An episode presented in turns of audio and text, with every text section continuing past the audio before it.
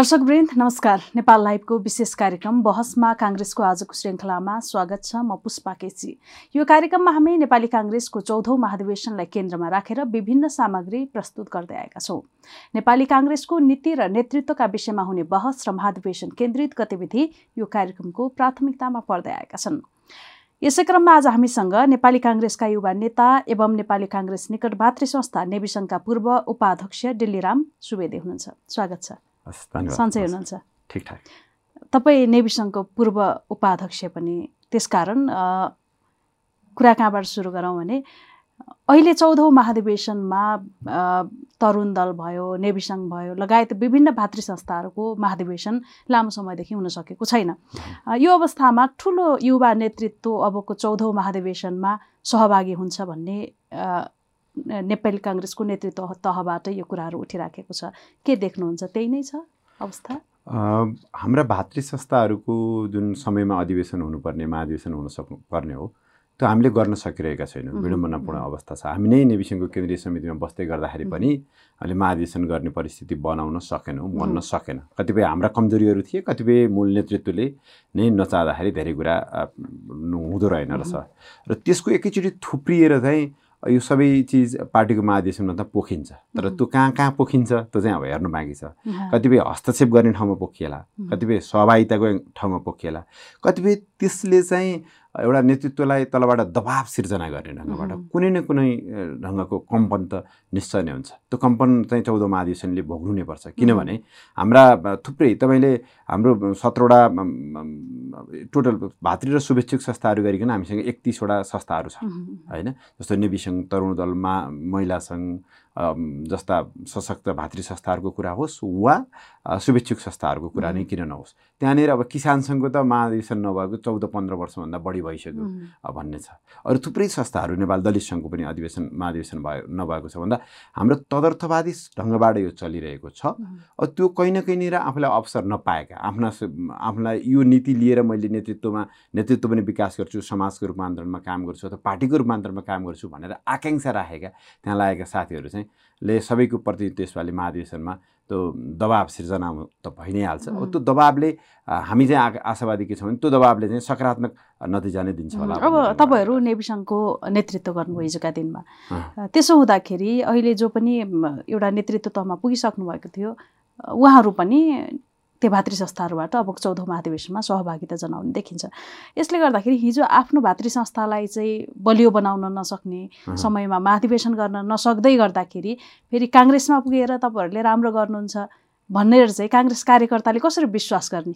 एकदम जेन्युन प्रश्न गर्नुभयो। यो हाम्रो पुस्तामाथि उठिरहेको एउटा ज्वलन्त सवाल नेपालमा काङ्ग्रेसको अथवा कम्युनिस्टहरूको नेतृत्व विकासको ठुलो पाठशाला चाहिँ विद्यार्थी आन्दोलन बन्यो। अब काङ्ग्रेसकै केन्द्रीय कार्य समिति हेर्नुहुन्छ भने अधिकांश त करिब करिब पर्सेन्टेजै निकाल्यो भने पनि त्यो अस्सी पर्सेन्टभन्दा बढी हुन्छ होला। नेपाल विद्यार्थी सङ्घको ब्या पृष्ठभूमिबाट गएको नेतृत्व छ। सर्दीय सभापति शेरबहादुर देवादेखि केन्द्रीय समितिमा रहेको गगन थापाहरूको पुस्तासम्म होइन? उहाँहरू नेपाल विद्यार्थी सङ्घको ब्याकग्राउन्डबाटै जानुभएको छ। किनभने नेतृत्व विकासको पा पाठशाला त्यो ग्रुमिङको पाठशाला नै विद्यार्थी आन्दोलन बन्यो।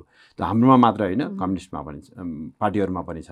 तर यस यति बेला एकछिन प्रश्न एउटा के उठिरहेको छ भने हिजो चाहिँ रा नेतृत्व विकास गर्ने एजेन्डाहरू उठाउने अथवा प्रकान्तले जनताका बिचमा एजेन्डा लिएर जाने प्लेटफर्म नै विद्यार्थी आन्दोलन थियो। अब अहिले चाहिँ तिमीहरू यो विद्यार्थी आन्दोलनमा विद्यार्थी राजनीतिबाट आएका छौ पार्टीमाथि त प्रश्न उठाएका छौ। आफै चाहिँ महाधिवेशन गर्न नसकेको कुरा चाहिँ के हो नि? भन्ने प्रश्न चाहिँ हाम्रै सहकर्मी साथीहरूबाट नि पार्टीको बृहत्तर पङ्क्तिबाट पनि उठाएको छ। तर त्यसको अलिकति भित्र छिरेर हेर्नुपर्छ। के छ भित्री भित्री थोरै हेर्दाखेरि चाहिँ पार्टीको मूल नेतृत्वले नचाहेसम्म भातृ शुभेच्छुक संस्थाहरूको महाधिवेशन हुन नसक्ने अवस्था भातृ र मातृ पार्टी बिचको अन्तर सम्बन्ध त्यति धेरै डिपेन्डेन्ट छ। म चाहिँ यसलाई डिपेन्डेन्ट भन्छु अथवा प्रकारान्तरले यसमा चाहिँ अब हामीले प्याराडाइम सिफ्टको टाइम आएको छ। यसमा रूपान्तरणको बेला छ। यसो पञ्चायतकाल अथवा आन्दोलनको पिरियडमा के थियो भने त्यति बेला पार्टीको सन्देश लैजाने बाटो नै भातृ संस्थाहरू हुन्थ्यो। जस्तो पञ्चायतको बेलामा नेपाली काङ्ग्रेस त प्रतिबन्धित थियो। तर कसले लैजान्थ्यो त? सन्देश पार्टीको सन्देश कसले लैजान्थ्यो? प्रजातन्त्रको सन्देश कसले लैजान्छ आन्दोलनको सन्देश कसले लैजान्थ्यो भन्दा त क्याम्पसहरूमा भइरहेका नेपाली विद्यार्थीका इकाइहरूले लान्थे। किनभने क्याम्पसमा स्वतन्त्र विद्यार्थी युनियनको निर्वाचन हुन्थ्यो। त्यो युनियनको निर्वाचन निर्वाचनका माध्यमबाट नेवी सङ्घले जित्यो वा अखिलले जित्यो कसले निर्वाचन जित्यो भन्ने अथवा त्यहाँनिर सङ्गठित भएको पुस्ताले त्यो सन्देश लैजान्थ्यो तर अब अथवा बैसठी त्रिसठीको जनआन्दोलनको पृष्ठभूमिमा पनि हामी सडकमा बैसठी सालमा म सोभि सभापति थिएँ काठमाडौँमा हामीले सडकमा आन्दोलन गर्दै गर्दा त्यति बेला त्यो पार्टीहरूको सन्देश कसले लैजान्थ्यो? पार्टीहरूमाथि धेरै प्रश्नहरू थिए नि त। पार्टीहरूले राम्रोसँग बहुदलकाल सञ्चालन गर्न नसकेको आरोप थियो। त्यो आक्षेपका बिचमा हामीले भनिरहेका थियौँ कि हामी पार्टीहरूलाई पनि सच्याउँछौँ। तर यो परिवर्तन चाहिँ अवश्यमावि छ। यो लोकतन्त्र चाहिँ लोकतन्त्र हार्न दिँदैनौँ। लोकतन्त्र हार्ने कुरा हाम्रो नयाँ पुस्ताका निमित्त पनि स्वीकार्य छैन भने हामी सडकमा लडेको। तर अब त्यो यहाँबाट अगाडि आइसकेपछि त्यो जुन अनुन्यासित सम्बन्ध छ पा भातृ संस्थाहरूको शुभेच्छुक संस्थाहरूको दैनन्दिनको जीवनमा पनि आन्तरिक जीवनमा पनि पार्टीको हस्तक्षेपैलाई छुट्याउन हामीले सकिरहेका छैनौँ। त्यसकारण यो पार्टी र भातृ संस्थाहरू बिचको पार्टी र शुभेच्छुक संस्थाहरूको बिचको अथवा मातृ र भातृ संस्थाहरू बिचको अन्तर सम्बन्धलाई पुनर्परिभाषित गर्नुपर्छ। हामी त के भनिरहेका छौँ भने विचार र सङ्गठनको आधारमा हामी भातृ संस्था हौँ। काङ्ग्रेसले जुन सिद्धान्त आदर्श मान्छ त्यसलाई हामी मान्दछौँ। मान्नुपर्छ। तर हाम्रो आन्तरिक जीवन चाहिँ स्वायत्त हुनुपर्छ। यो हामीले स्वायत्त बनाउन सकेका छैनौँ। स्वायत्त बनाउन नसकेको यथेष्ट प्रमाण चाहिँ के हो भने नेपाली काङ्ग्रेसको केन्द्रीय कार्य समितिले चाहेको दिनमा नेविसङ्घको कुनै पनि कार्य समिति अथवा भातृ शुभेच्छुक संस्थाको कार्य समिति भङ्ग गर्न सक्छ। हाम्रो विधान हामीले पारित गरेर पठाएको विधान नेपाली काङ्ग्रेसको केन्द्रीय कार्य समितिलाई मन्जुर भएन भने उहाँहरूले त्यसलाई के अरे खारेज गरिदिन सक्नुहुन्छ त्यसलाई चेन्ज गर्न सक्नुहुन्छ। मलाई लाग्छ अब हामीले बहस गर्नुपर्ने बेला चाहिँ कहाँनिर आएको छ भने हामी विचार र सिद्धान्तको चाहिँ भातृ संस्था हुनुपर्छ। तर कार्यक्रम दैनन्दिनको सङ्गठनको आन्तरिक जीवनको कुरा चाहिँ हामीले स्वायत्त ढङ्गबाट हामीले आफूले सञ्चालन गर्न पाउनुपर्छ गर्न सक्नुपर्छ। त्यो सामर्थ्य पनि राख्नुपर्छ। सायद हाम्रो हामी त्यो स्टेजमा आयौँ होला। हिजो यो आवश्यक थिएन होला। हिजो गलत भयो भन्दिनँ म। हिजो समयको सापेक्षतामा यो विषयलाई हेर्नुपर्छ। पञ्चायतकालमा हिजो हिजो अब चार सालदेखि लिएर जैतु संस्कृतम आन्दोलन पनि भयो विद्यार्थी आन्दोलन। त्यतिखेर चाहिँ विद्यार्थीहरूले शिक्षाको शैक्षिक मुद्दाहरू उठाएर पनि आन्दोलन गरे। शैक्षिक मुद्दाहरूलाई अगाडि सार्थे अहिलेको विद्यार्थी आन्दोलन त अब कहाँ छ कहाँ छ हप्ता सुलीमा छ भन्नेसम्मको पनि कुरा उठ्छ। यसो भन्दै गर्दाखेरि नेतृत्वले पनि एउटा विश्वास नगरेको अवस्था हो कि विद्यार्थी नेतृत्वलाई के के देख्नुहुन्छ? किन महाधिवेशन गराउन चाहँदैन त नेतृत्व? हिजोको सामाजिक सांस्कृतिक परिवेश र आजको सामाजिक सांस्कृतिक परिवेश पनि बदलिएको छ होइन? उठाउँदैन अहिले विद्यार्थी म यहाँनिर यहाँनिर हिजो जुन विद्यार्थीहरूको ठुलो चाप सार्वजनिक शिक्षण संस्थाहरूमा हुन्थ्यो सरकारी शिक्षण संस्थाहरू हुन्थ्यो आज त्यो चाप डिभिजन भएको छ। निजी शिक्षण संस्थाहरूमा विद्यार्थी राजनीति छैन। होइन? विद्यार्थी राजनीति हुने ठाउँ राम्रो होइन भन्ने कुरा आम अभिभावकहरूले आम मानिसहरूले त्यो विश्वास गर्छ बाहिर जे भन्छन् थाहा छैन। हामी स्वयंलाई पनि आफूले क्रिटिकल भएर हेर्नुपर्छ। हामी नै आफ्नो हामी अभिभावक हुने भने विद्यार्थी राजनीति भइरहेको ठाउँमा विद्यार्थीहरू अब हाम्रा भाइ बहिनीहरू अथवा छोराछोरीहरू पठाउने कुरा खुसी छैनौँ। खुसी हुँदैनौँ। यो कुरा चाहिँ स्वीकार्नुपर्छ। यो तितो यथार्थ छ। यो यो किन बनिरहेको छ भन्दा हामी हिजोकै प्याटर्नमा हिँड्यौँ क्या? पञ्चायतकालको विद्यार्थी राजनीति जस्तो थियो बहुदलकालको विद्यार्थी राजनीति कस्तो थियो अथवा आन्दोलनको पिरियडको विद्यार्थी राजनीति जस्तो थियो त्यसबाट हामीले आफूलाई रूपान्तरित गर्न सकेनौँ। विद्यार्थी आन्दोलनले। त्यसकारण विद्यार्थी आन्दोलन कमजोर बनेको छ। त्यस कारण विद्यार्थी आन्दोलनले शैक्षिक एजेन्डा उठाउँदैन। किन विद्यार्थी आन्दोलन कक्षा कोठामा भएन के अरे शैक्षिक एजेन्डा उठाउँछ। विद्यार्थी आन्दोलन क्याम्पस हाताभित्र मात्रै रहेन शैक्षिक एजेन्डा उठाउँछ। त्यहाँनिर हामीले सङ्गठित हुनै दिएका छैनौँ। अघि मैले भनेको चाहिँ स्वायत्त ढङ्गले चल्ने भनेको चाहिँ क्याम्पसहरूको इकाइ अथवा क्याम्पस विद्यार्थी सङ्गठनको चिज त विश्वविद्यालयहरूको संरचनाभित्र मात्र आफूलाई आफ्नो दैनन्दिन जीवनलाई हामीले त्यहाँ केन्द्रित गर्न सक्यौँ भने त त्यहाँका मुद्दाहरू उठ्छ नि त्यहाँभन्दा बढी पार्टीको जीवनसँग हामी सम्बन्धित छौँ। पार्टीको पनि एउटा गुड समात्नुपर्छ नेतृत्व समात्नुपर्छ। यो सिङ्गो जुन परिबन्धहरू प्रबन्धहरू छ यो प्रबन्धहरू नै फेर्नुपर्छ। त्यो प्रबन्ध फेर्ने भनेको पार्टी र भातृ संस्था बिचको निजी निजी विद्यालय सञ्चालकहरू मन्त्री बन्छन् सांसद बन्छन्। त्यसकारण नेतृत्व तहबाटै पनि यो शैक्षिक मुद्दाहरू नउठाउ भनेर किनकि यहाँ त कसैले कसैको आशीर्वाद नलिएसम्म एउटा निर्वाचनै नहुने अवस्था पनि छ। होइन? नेतृत्वले यसलाई बनाइदिने भनेर तोकिने अवस्था पनि छ। त्यसकारण यो चाहिँ विषय नउठाऊ भनेर नेतृत्व तहबाटै त्यस्तो कुरा पनि आइपुग्छ तपाईँहरूका? आउँदैन।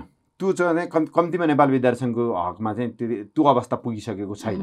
त्यो त्यो आउँदैन। हामीले काम गर्दाको पिरियडमा पनि आउँथेन र अहिले पनि आउँदैन। यो चाहिँ नेतृत्वको नेतृत्वलाई ले मेरो के गर्दाखेरि प्रगति हुन्छ? भन्दा पार्टीको आन्तरिक जीवन म नेविसङ्घमा काम गरेँ त्यसपछि म पार्टीमा जानु छ। म पा जस्तो नेपाल विद्यार्थी सङ्घको केन्द्रीय कार्य समितिमा काम गरिसकेपछि म पार्टीको जिल्ला समिति जाने हो कि पार्टीको केन्द्रीय समिति जाने हो कि प्रदेश समितिमा जाने हो कि भन्दा पोलिटिकल एक्टिभिस्टका रूपमा कार्यकर्ताहरूको रूपमा त म त्यो भर्याङहरू चढ्नु छ नि त। त्यो भर्याङहरू चढ्नका निमित्त त म पार्टीको संरचनातिर पार्टीको सङ्गठनका गतिविधितिर बढी केन्द्रित हुन्छु। जब म त्यतापट्टि धेरै केन्द्रित हुन्छु भने यताका एजेन्डाहरू छोड्छु।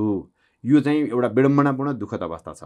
अघि मैले भनेको जस्तो यहाँनिर काम गर्दै गर्दा यहाँकै एजेन्डामा फोकस भएर मूलत हामीले शैक्षिक एजेन्डाहरू नै उठाउनु पर्ने हो नि। राजनीतिक शैक्षिक र सामाजिक आन्दोलनको उठान नै विद्यार्थी राजनीतिले गरिरहेको हो नि हिजो। र आज पनि हामीले त्यही गर्नुपर्ने हो। मूलभूत रूपमा राजनीतिक रूपमा लोकतन्त्रको रक्षा गर्ने कुरा। लोकतन्त्रमाथि कतैबाट ख खतरा आयो भने त्यहाँ त्यो खतराका विरुद्ध लड्ने अथवा लोकतन्त्रलाई विस्तारित गर्नका निमित्त हामीले योगदान गर्नुपर्ने. कुरा हो। भने शैक्षिक आन्दोलनमा लाई नै हामीले विशेष गरी जोड दिनुपर्ने हो। त्यो नहुन नसक्न चाहिँ विद्यार्थीको हातमा विद्यार्थीको नेतृत्व नभएको भएर विद्यार्थीको हातमा नेतृत्व छैन। हामीले अनेस्टली इमान्दार पुग्नु गर्नुपर्छ। Mhm. विद्यार्थी जीवन पार गरिसकेकाहरूको हातमा विद्यार्थी नेतृत्व भएको कारणले यो समस्या आएको। उम्, अब यहाँनिर समय के अरे भातृ संस्थाहरू शुभेच्छुक संस्थाहरू. तदर्थ समितिहरू भयो भन्दै गर्दाखेरि नेपाली काङ्ग्रेस पनि त्यही बाटोमा अगाडि बढिराखेको हो कि भन्ने आशंका छ जनमानसमा। कसरी हेर्नुहुन्छ यसलाई? यो बडो संवेदनशील र गम्भीर प्रश्न मोडमा नेपाली काङ्ग्रेस आइपुगेको छ। भदौ तेइस गतेदेखि हाम्रो वैधानिक रूपमा हामीमाथि प्रश्नहरू उठ्ने अवस्था आएको छ आउन सक्छ। सायद अब कानुनविदहरूदेखि अरू थुप्रै साथीहरू भन्दै हुनुहुन्छ विज्ञहरू भन्दै हुनुहुन्छ अब यो अदालतमा जान्छ। अब अदालतको निगाहमा अथवा अदालतको बहसको विषय काङ्ग्रेसको वैधताको विषय बन्छ भन्ने कोणबाट पनि विषयहरू आएका छन्। यो आउनु अत्यन्त दुःखद कुरा. दुःखद कुरा हो।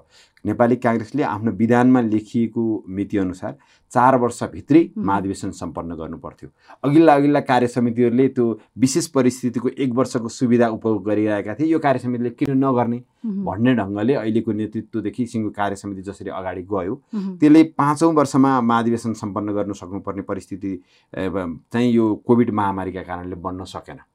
चार वर्षमा काङ्ग्रेसको मूल नेतृत्वका कारण नै महाधिवेशन हुन नसकेको उहाँहरूको इच्छा शक्ति नभएर पछिल्लो डेढ वर्ष चाहिँ यो कोभिड महामारी नै यसको मूल कारण भएको देखिन्छ अब यो बिचमा भएका लकडाउनहरू र यो असमञ्जस्य विशेष विषम परिस्थिति जो बन्यो। यो परिस्थितिको नजिरमा राखेर हामीले नेपाली काङ्ग्रेसको वैधानिकता पनि जोगाउनु पर्नेछ महाधिवेशन पनि सम्पन्न गर्नुपर्नेछ सायद यो विषय सबैलाई विश्लेषण गरिकन। पार्टीको भर्खरै सम्पन्न केन्द्रीय समितिको बैठकले असोज अठार सरी भदौ अठार गतेदेखि केन्द्रीय महाधिवेशनको सेड्युल अगाडि बढाएको छ मलाई हामीलाई विश्वास छ यो सेड्युलमा महाधिवेशन अगाडि बढ्दै गर्दा। अदालतदेखि निर्वाचन आयोगदेखि आम जनताका बिचमा अदालत अथवा निर्वाचन आयोगभन्दा ठुलो अदालत त जनता हो नि त। जनताले हेरिरहेको छ नि त। दिनानुदिन कि काङ्ग्रेसले आफ्नो एउटा महाधिवेशन पनि समयमा गर्न नसक्नेहरूले तिमीहरूले देश सम्हाल्छौ लोकतन्त्र सम्हाल्छौ अथवा देशको सम- समृद्धिको सपनाहरू सम्हाल्छौ र यी सबै सपनाहरू बोकेर तिमी जनतालाई उडान भर्छौ भन्ने कुरा। कसरी पताइदिने भन्ने कुरा त जनताले भनिरहेका हुन्छन्। त्यो यी सबै प्रश्नको जवाब यो विषम परिस्थितिका बिचमा पनि हामीले महाधिवेशन सम्पन्न गरेर दिनुपर्नेछ। भनेर होइन कि महाधिवेशन सम्पन्न यसो भन्दै। गर्दाखेरि यहाँले अलिकति पनि जोडिसक्नुभयो नेपाली काङ्ग्रेसको वैधतामाथि नै प्रश्न उठ्ने देखिन्छ नै। किनकि भदौ तेइस गते संविधानले तोकेको समय सीमा नै हो।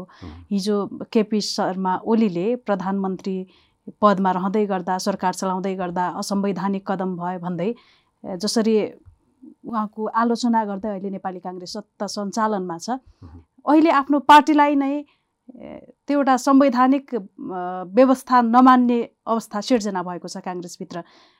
यसले गर्दाखेरि त भोलि यसको दुरुपयोग पनि हुने देखिन्छ नि। भोलि कसैले त्यही समयमा संवैधानिक व्यवस्थाले जति तोकिएको समय सीमा छ त्योभन्दा त्यसमा चाहिँ अधिवेशन सुरु गरेर दुई तिन वर्षसम्म पनि लम्ब्याइदिन सक्ने त्यसको दुरुपयोग हुन सक्ने त देखिन्छ नि। अहिलेको यो काङ्ग्रेसको महाधिवेशनले गलत नजिर बस्ने सम्भावना पनि उत्तिकै छ। कसरी हेर्नुहुन्छ यसलाई? मलाई त्यतापट्टि जान्छ जस्तो लाग्दैन. किनभने यो एउटा विषम परिस्थिति हो भन्ने कुरा तथ्यहरू प्रष्ट छन्. किनभने हामी अहिले पनि विभिन्न जिल्लाहरूमा लकडाउन छ।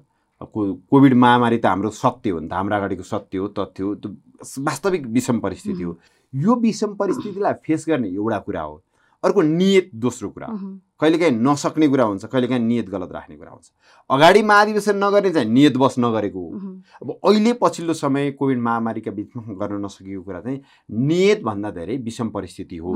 जहाँसम्म यसले संविधानको भइरहेका मौजुदा प्रबन्धहरूलाई नै उल्लङ्घन गरेर भोलि यसैलाई नजिर बस्न सक्छ र अरू पार्टीहरूले पनि यसलाई दुरुपयोग गर्न सक्छन् अथवा यसले हाम्रो संवैधानिक व्यवस्था नीति रीतिथिति नै बिग्रिन्छ कि भन्ने कुरा चाहिँ यसका प्रति चाहिँ हामी संवेदनशील चाहिँ हुनुपर्छ। यो प्रति संवेदनशील भएर नै हुनुपर्छ। भदौ अठारबाट हामीले अधिवेशनको प्रक्रिया सुरुवात गरेर फिक्स टर्ममा दिएका छौँ। यसमा चाहिँ रेगुलेटरी मेकानिजम जस्तो निर्वाचन आयोग अथवा ले नै यसमा केही कुराहरू स्पष्ट गर्ला नि त।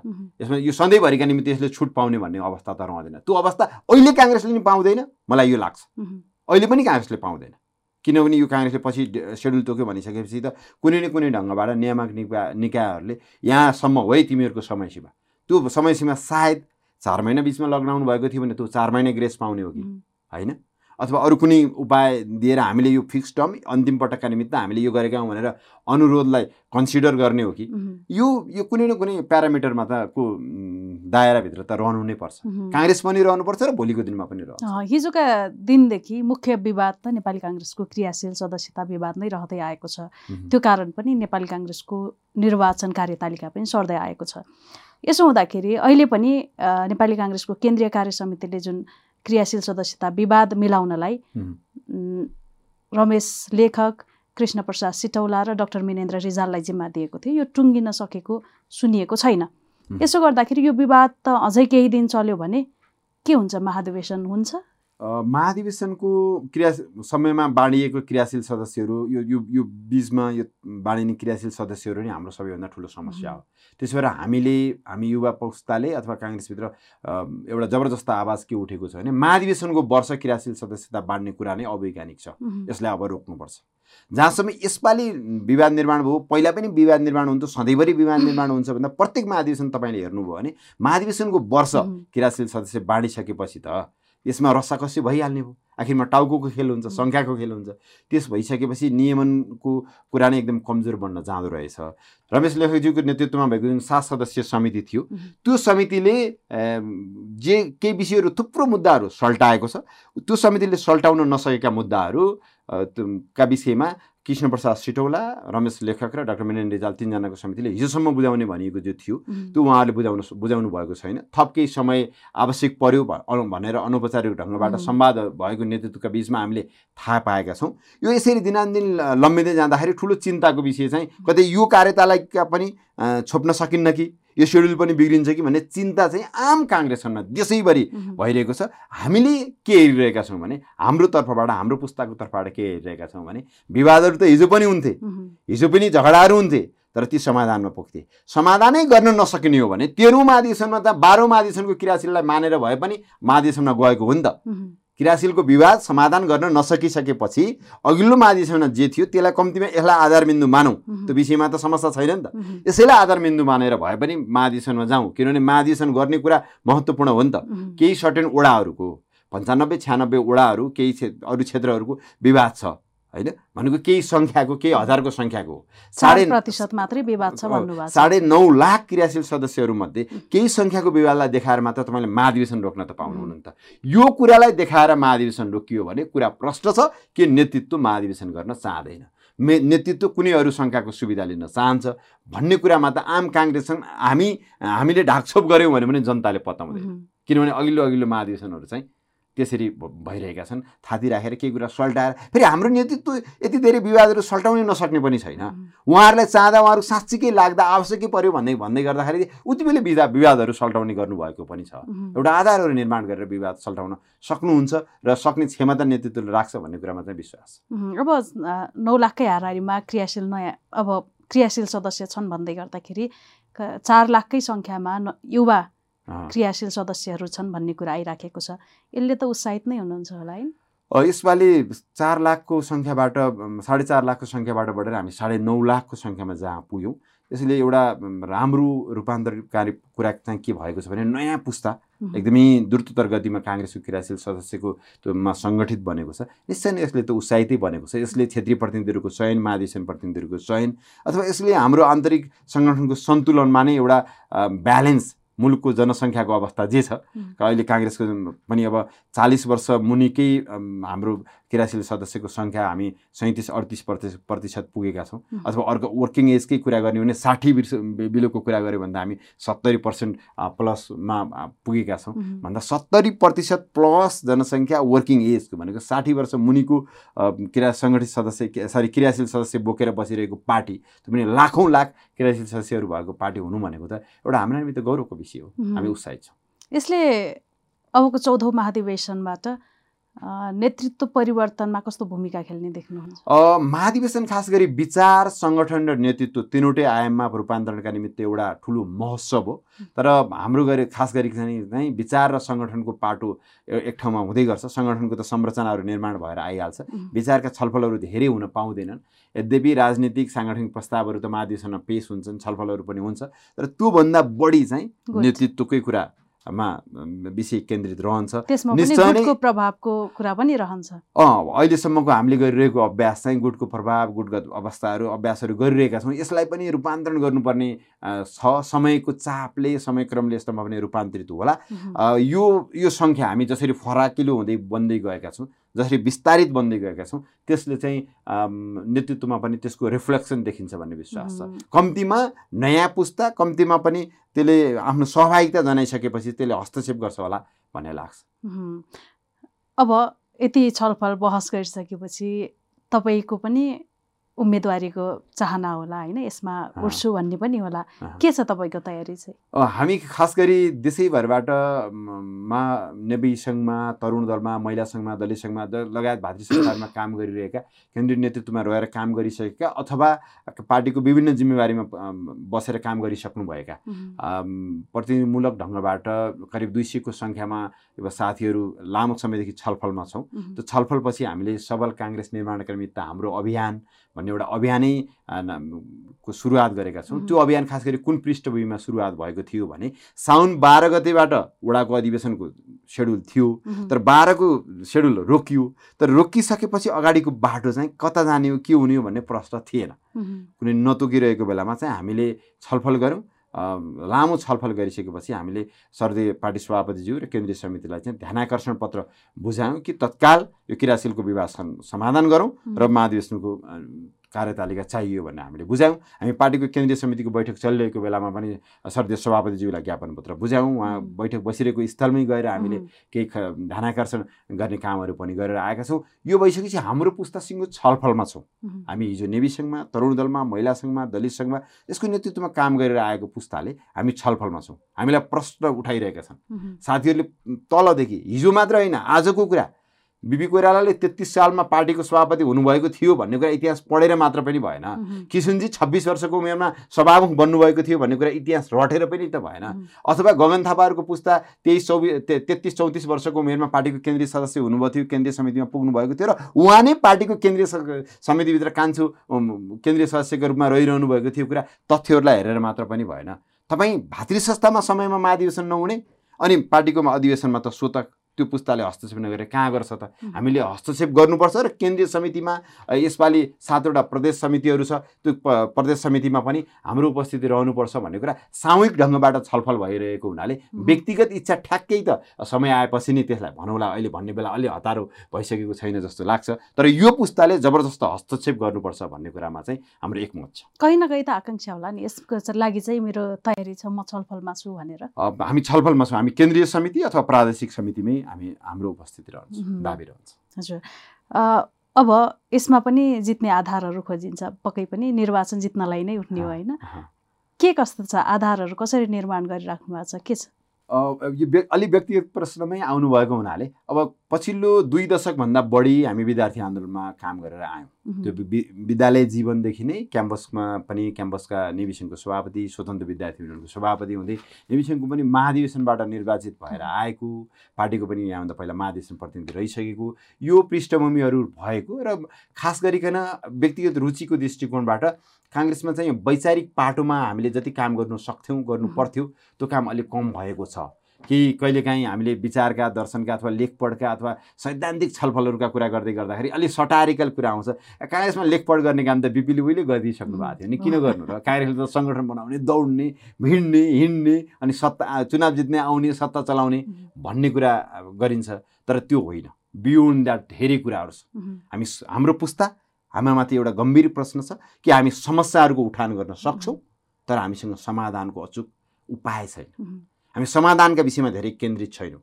हामी सङ्घर्ष गर्न त सक्छौँ तर सङ्घर्षबाट प्राप्त रहेको उपलब्धिलाई कसरी अगाडि बढाउने भन्ने विषयमा हामी सृजनात्मक छैनौँ। हामीमाथि प्रश्नहरू छन्। त्यो सृजनात्मक हुनका निमित्त वैचा यो पुस्ता वैचारिक छैन। विचारमाथिको छलफल गर्दैन। यसले यसले नेपाली काङ्ग्रेसको महाधिवेशन नै एउटा नीति र सिद्धान्त केन्द्रित भन्दा पनि व्यक्ति केन्द्रित छ भन्ने त सबैमा छ। यो त पछिल्लो चुनाव हुने भनिसकेपछि त्यस्तो त हुँदो रहेछ। त्यो व्यक्ति केन्द्रित हुँदै गर्दा त्यो व्यक्तिले के के बोक्छ सैद्धान्तिक धारणा नै स्पष्ट छैन भन्ने पनि ठुलो प्रश्न छ यो यो प्रश्नको त हामीले जवाफ दिनु नै पर्छ। यसभित्र के छलफल पनि उठिरहेको छ भने एउटा नेतृत्व चयन गर्ने महाधिवेशन एउटा गरौँ। अर्को विचारको नीति नीतिको महाधिवेशन नीतिगत छलफल गर्ने महाधिवेशन अर्को गरौँ। वैचारिक छलफल गर्ने महाधिवेशन अर्को गरौँ भन्ने प्रस्ताव पनि काङ्ग्रेसभित्रै उठिरहेको छ। हाम्रोमा खास गरी नीतिको तय चाहिँ महासमिति बैठकहरूले गर्नु गर्ने हुँदा हाम्रो विधानले त्यो परिकल्पना गरिरहेको हुनाले यो महासमिति बैठकहरू कुराहरू सामयिक समय समयमा नबस्ने हुँदा यो प्रश्न उठेको पनि हुनसक्छ। जहाँसम्म चुनावमा नेतृत्व उठिसकेपछि त्यो नेतृत्वले कस्तो विचार बोक्छ कस्तो संस्कृति बोक्छ उसको पृष्ठभूमि के हो कस्तो संस्कारबाट आएको छ भन्ने कुरा पनि समुक्षमा नेतृत्वमै प्रतिबिम्बित हुन्छ भन्ने पनि एउटा मत छ। तर त्यो सँगसँगै हामीले उठाउन खोजेको कुरा चाहिँ यो पुस्तासँग हामीले प्रश्नहरू मात्र गर्ने होइन। हामीले उत्तर दिने पनि हाम्रो क्षमता राख्नुपर्छ। उत्तरहरूसहित हामी केन्द्रीय समितिमा अथवा प्रदेश समितिमा अथवा पार्टीको नेतृत्वमा हस्तक्षेप गर्दै गर्दा आउँदै गर्दाखेरि चाहिँ हामी उत्तरहरू सहित आउनुपर्छ। हामीले हाम्रो उपस्थितिले हामीले केही न केही देखाउन सक्नुपर्छ। कि हामी समस्याहरू मात्र उठाउँदैनौँ हामी सङ्घर्षको बेला सडक आन्दोलनमा ढुङ्गा हान्न टायर बाल्न मात्र काबिल होइनौँ। आजको दिनमा हामी यो डेलिभरी दिनका निमित्त आम जनताले हेर्नुहोस् न जनताको आँखाबाट हेर्नुहोस् न शिक्षाका मुद्दा स्वास्थ्यका मुद्दा अथवा सामाजिक आन्दोलनका मुद्दाहरू यति धेरै असरल मुद्दाहरू छन्। हामी दौडेको दौडै छौँ सङ्गठन भनेका भनेछौँ तर यो मुद्दाहरू जहाँका त्यहीँ छन् जिउका त्यहीँ छौँ। भनेपछि त कहीँ न कहीँ त गडबडी भइरहेको छ नि त। हामी टक्क उभिएर हामीले इतिहासलाई फर्केर त हेर्नुपर्ने समय आएको छ नि त। हामी दौडिरहने दलित आन्दोलनको मुद्दा जिउका त्यहीँ रहिरहने हामी दौडिरहने सामाजिक विभेदका मुद्दाहरू जहाँको त्यही रहने भने। दाइजोका नाममा एउटा चेली जलाइरहने बोक्सीका नाममा एउटी आमाहरूले दिशा खाइरहनु पर्ने होइन? अथवा यो महिला हिंसाका यस्ता दर्दनाक घटनाहरू भइरहनु पर्ने भने हाम्रो राजनीतिका निमित्त? भन्दा हामी यी सबै प्रश्नहरूको समाधान आज हिजो जुन तरिकाबाट गरिन खोजिएको प्रयास गरिएको थियो त्यो तरिकाबाट हुँदैन कि? नयाँ तरिकाहरू पो खोज्नुपर्छ कि? त्यो तरिकाहरू हामीले समाजभित्र पो छ कि? भन्दा एउटा नेतृत्वले त्यो कुराहरूको खोजी हामीले गर्नुपर्छ। त्यो यी सबै प्रश्नहरूको बौछार समयले त्यो प्रश्नहरूको भारी समयले हाम्रो पुस्तामाथि थोपरेको छ भन्ने मलाई लाग्छ। ती प्रश्नहरूको उत्तर लिएर त्यो उत्तर नलिकन हामी आम काङ्ग्रेस जनका बिचमा आम जनताका बिचमा गयौँ भने हामीलाई परीक्षा उत्तीर्ण हुने हक हुन्न हामी हामी परीक्षा उत्तीर्ण हुन्छौँ जस्तो लाग्दैन। त्यसका निमित्त वैचारिक प्रष्टता चाहिँ चाहिन्छ। काङ्ग्रेसभित्र थुप्रै मतहरू छन्। काङ्ग्रेसभित्र हामी सङ्घीय लोकतान्त्रिक गणतन्त्रको यात्रा हिँडेरै पो गलत गऱ्यौँ कि? होइन हिजोको बिपीको बाटो छोड्यौँ भन्ने पनि राष्ट्रकै कुरा पनि काङ्ग्रेसभित्र मतहरू मतहरू छन्। भन्दा अब त्यो मतहरूका विषयमा पनि हामीले छलफल गर्नुपर्छ। एकापट्टि हामीले हाम्रो नेतृत्वमा आएको संविधान यसको रक्षा सरदेव सुशील कोइरालाको नेतृत्वमा आएको संविधानको कुरा गरिरहेका छौँ। हामीले हाम्रो नेतृत्वमा आएको कुरा गरिरहेका छौँ। अर्कोतिर यही संविधानले लिएर आएका केही कुराहरूमाथि प्रश्नहरू पनि उठाएका छौँ। यो किन भइरहेको छ सबैभन्दा? हामीका बिचमा गम्भीर वैचारिक छलफलहरू नहुने भएको भएर।